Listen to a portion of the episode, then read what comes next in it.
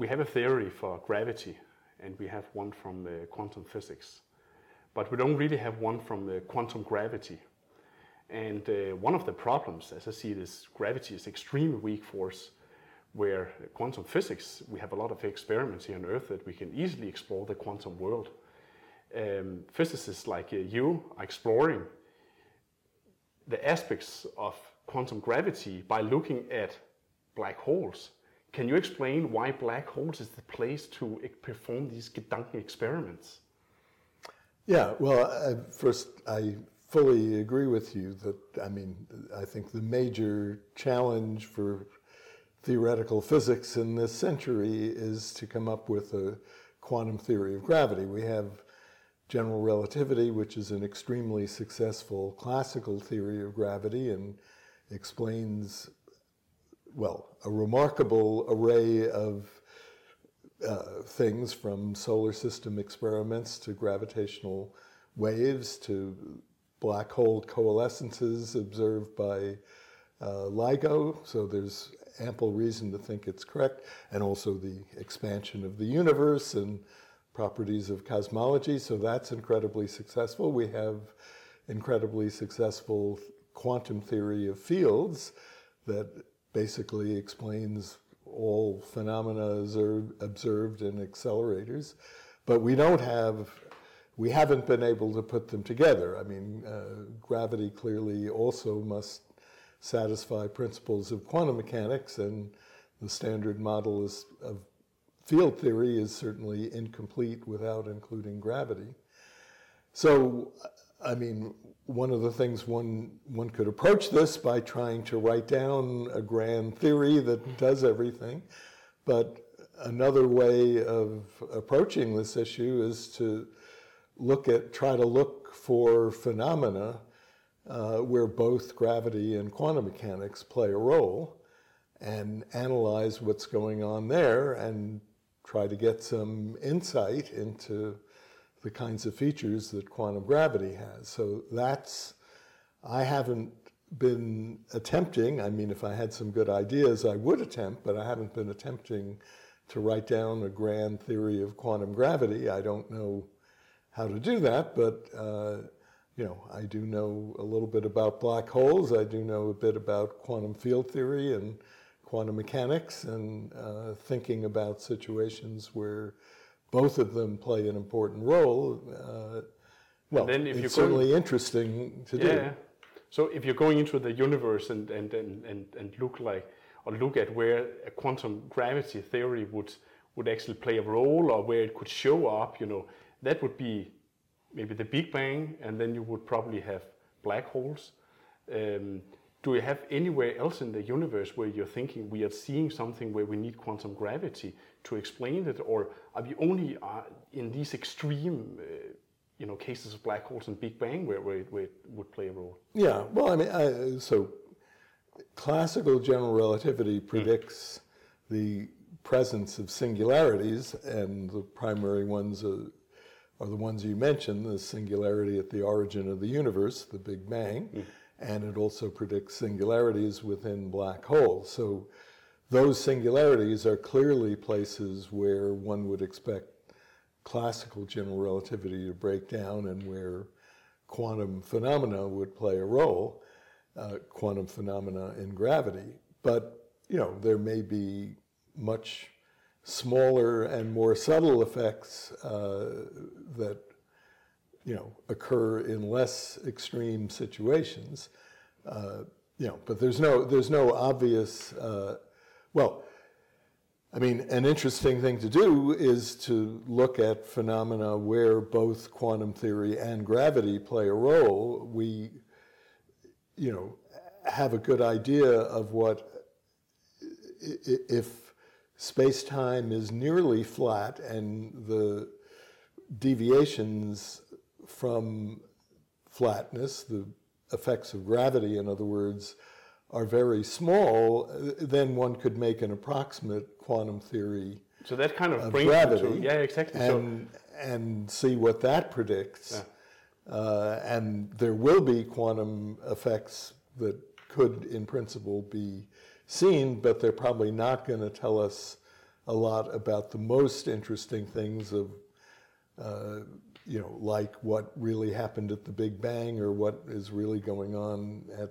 the singularity inside a black hole and, uh, you know, other things related to that, but they'll give us, you know, some indications of uh, what quantum theory mixed with gravity is. So what you're so what you're saying is that right now we don't, as everybody knows, we, we don't have a theory for quantum gravity, but we are still able to mix the two things in the weak regime, say you know Yeah. quantum physics in you know weakly curved space-time. So if we if we consider that problem, then I know that that, that has been worked out very close to black holes, right? The horizon of black holes. And that's, you know, for, for many people think that black holes are completely black, but that's not really the case when you take into account this, this coupling of the quantum physics with, with the curved space-time. Could you uh, expand Well, so like if you think about Hawking radiation Yeah. and, and some of the other things that, that brings us to black holes as laboratories? Yeah, well, one of the, I think, most interesting developments in physics and, but certainly in general rel- gravitational physics in the last 50 years was Hawking's discovery that there would be spontaneous particle creation outside of a black hole.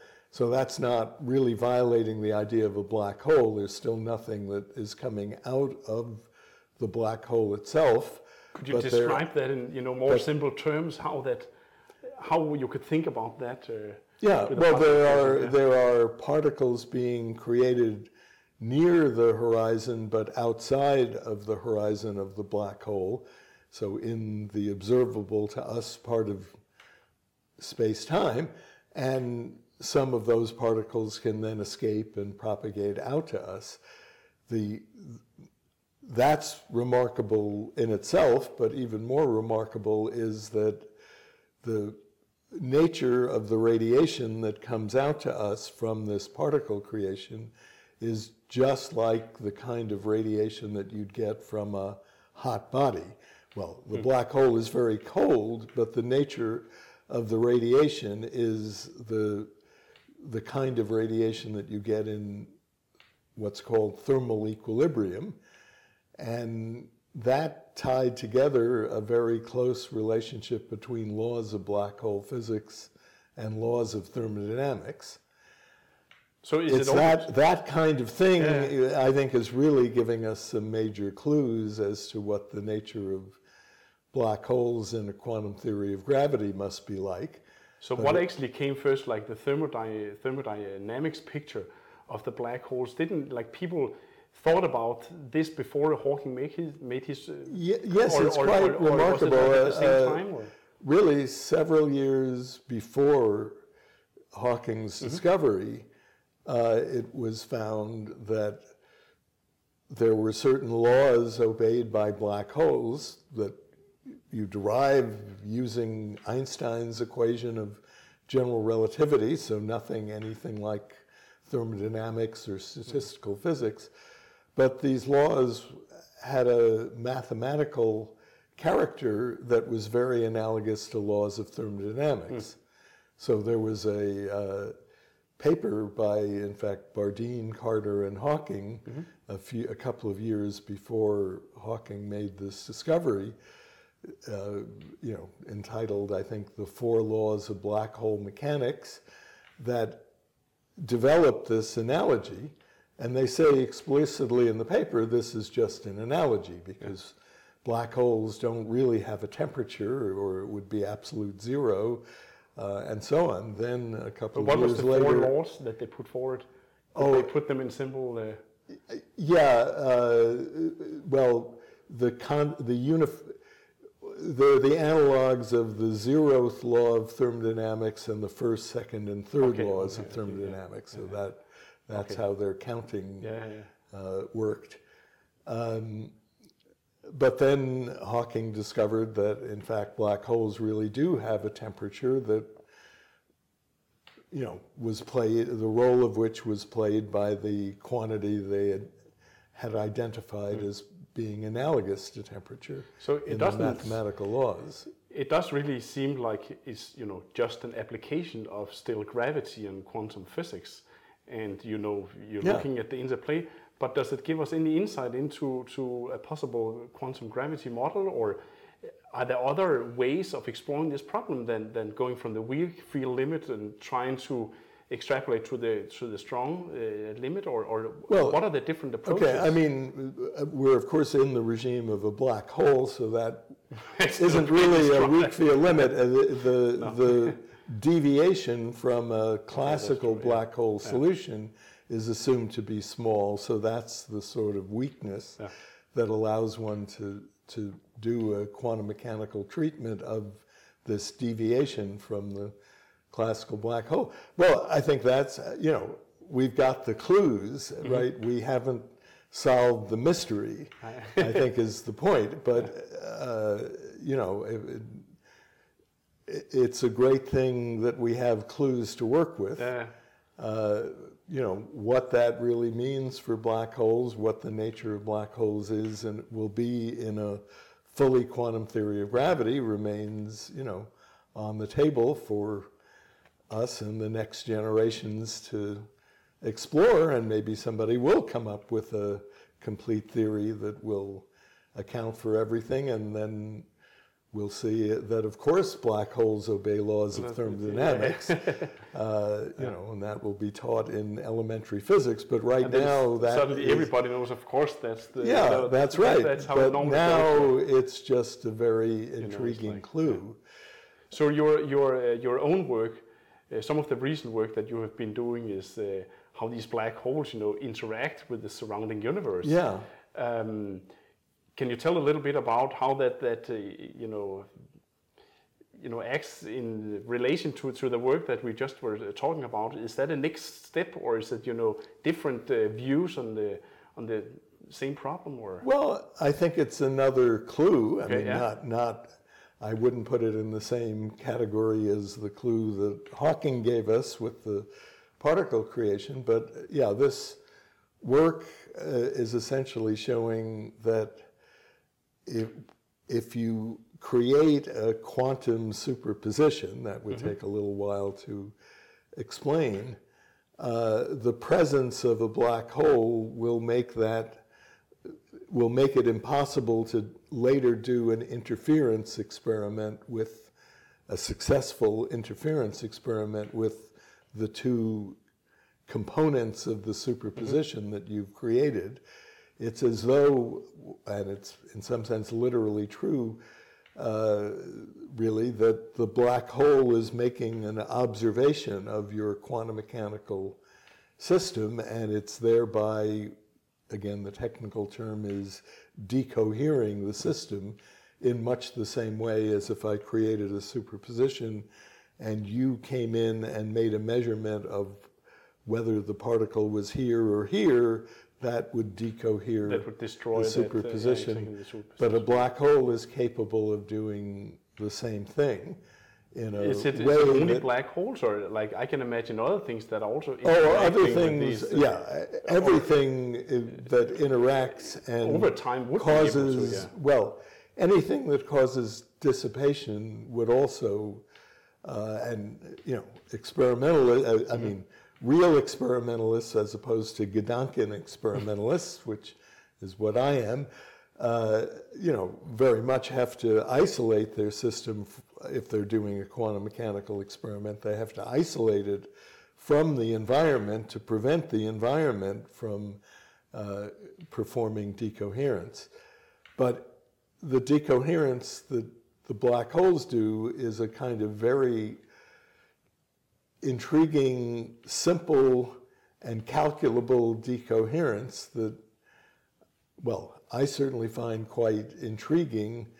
It's it- black holes are by no means unique in being able to do the decoherence, but I would have, before the this recent work, would have thought of black holes as kind of completely inert objects that wouldn't Yeah. register any information about what you're doing in your laboratory experiment mm. and would not play any role in decohering your mm. quantum system. So if we are now we're talking about black holes, which are you know very astrophysical objects around us, and we see them in gravitational waves and so forth. if we are, you know, thinking about other very extreme phases that our in our universe, as we talked about the Big Bang, um, are there phases during the Big Bang where you, where the things that we just talked about, you know, are created or manifest as things that are, you know, growing up to be part of the universe that we see today? Like, I mean, if you think about in in inflation, you know, the, like one of the you know standard way of thinking about this that you have these quantum fluctuations that they're Yeah. blown up, you know, or very Right. short, you know, very rapid expansion. Um, some of the things that you're talking about here, do they blow up in the same way and manifest as, as the, some of the things that, that we can see today, or? Yeah, well, in fact, I mean, the phenomena that occurs in inflation, this Yeah. is actually quite analogous to the phenomena that occurs in the Hawking effect with mm-hmm. particle creation by black holes. They're, I mean, they're not the same thing, but there's there is considerable similarity mm-hmm. in the way there's effectively particle creation that goes on, you know, in this case from the expansion of the universe, in the black hole case from the, you know, behavior of the quantum fields near the horizon of a black hole. So again, that is probing some, well, uh, some quantum phenomena in a gravitational context. The expanding universe is very much a gravitational uh, context. It's not, although inflation would be probing the extremely early universe compared to other things we can observe. We can observe, you know, microwave background. We can observe, uh, you know, helium synthesis, things like that, uh, or, or the effects, the the helium that was synthesized in the very early universe. The inflationary picture is going back much much further, but it's not getting us all the way back to the Big Bang and telling us that, uh, you know, about what the quantum gravity mm-hmm. nature of the singularity is, or at mm-hmm. least it's not. Maybe it will be telling us that, and maybe, I mean, that's another clue, really, but right now it remains a clue rather than a, mm-hmm. you know, it implies that the Big Bang must have been like this or like that. Mm. So if we're taking out, you know, a bigger view here, then uh, for many of the other things like quantum uh, physics and, and, and general relativity, um, there has always been a component, like a, com- a component of, of, of, of uh, observations, right? You know, Einstein's theories, you can easily observe Yeah. like, you know, the bending of light or, you know, by, by the sun first, you know, the, the, the bending of the starlight around the sun, you can now see it in gravitational waves and stuff like that.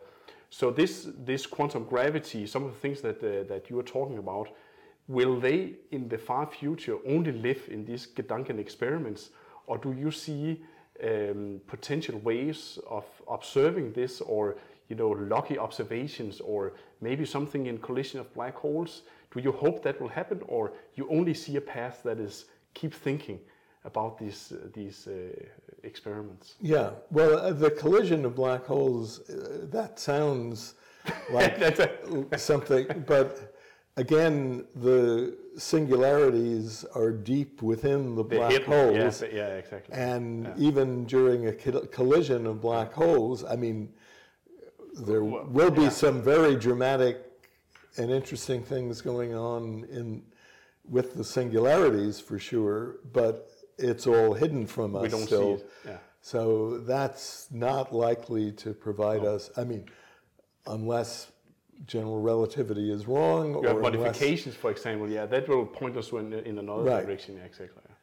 right. But uh, I mean, there are tabletop real experiments that people are certainly talking about doing and uh, might well be done, you know, in the next five years or 10 years, where again, you have quantum mechanical, you know, what would normally be described as quantum mechanical systems, but they are uh, interacting gravitationally, and the gravitational interaction is, well, again, the terminology used is mediating entanglement between the systems. These systems are getting correlated in a, in a quantum mechanical way through the interaction of gravity. And th- so that's something that could be done as a real experiment, you know, in the not too distant future. And that would verify the quantum nature of gravity. If you had a purely classical theory of gravity, uh, I mean, making a purely classical theory of gravity that couples to quantum mechanical systems is a, you know, you have to strain to make up such a theory, but uh, one can do that, and that would rule out uh, these experiments if they're successful and do, and the outcomes are what I think everybody would expect. That would show that gravity has to have a quantum nature to it.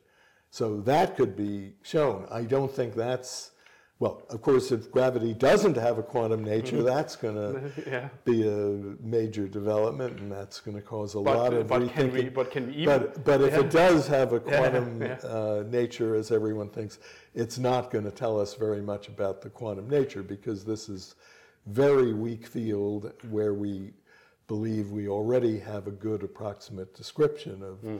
The quantum phenomena that gravity might, uh, you know, do. What we're completely lacking is a description of what's going on near singularities and things like that. Uh, and the, these tabletop experiments, I don't think will help at all in that regard. So I don't know if it's even a relevant question, but do we even like, do we expect that gravity and quantum physics simply cannot, you know, be mixed? Like, like, is there? Could we ask if there is, you know, a, a theory of uh, quantum gravity? Are we looking for something that might not even be there? Do we do we even need it in terms of, you know, describing the, you know, production of the large-scale structures of our universe? Uh, the particles that we are that that we are seeing? Are we just hoping that there would be something, or Well, I mean, I think it, Looks like we're doing fine without it. I mean, going back to what I said at the very beginning, Yeah. we have a very good classical theory of gravity, but it interacts with quantum systems, and it it is essentially inconceivable that gravity itself could not have quantum properties. And we have an excellent, you know, quantum field theory model of basically everything except gravity, everything we've seen. Uh, but, you know, gravity has to be included in that. So there has to be some theory that is merging the two in some way. Now, maybe that theory is going to look very different from classical general relativity and very different from quantum field theory as we know it. I mean, that is a genuine possibility. I mean, uh, uh, but you know, we'll only find out when we get there.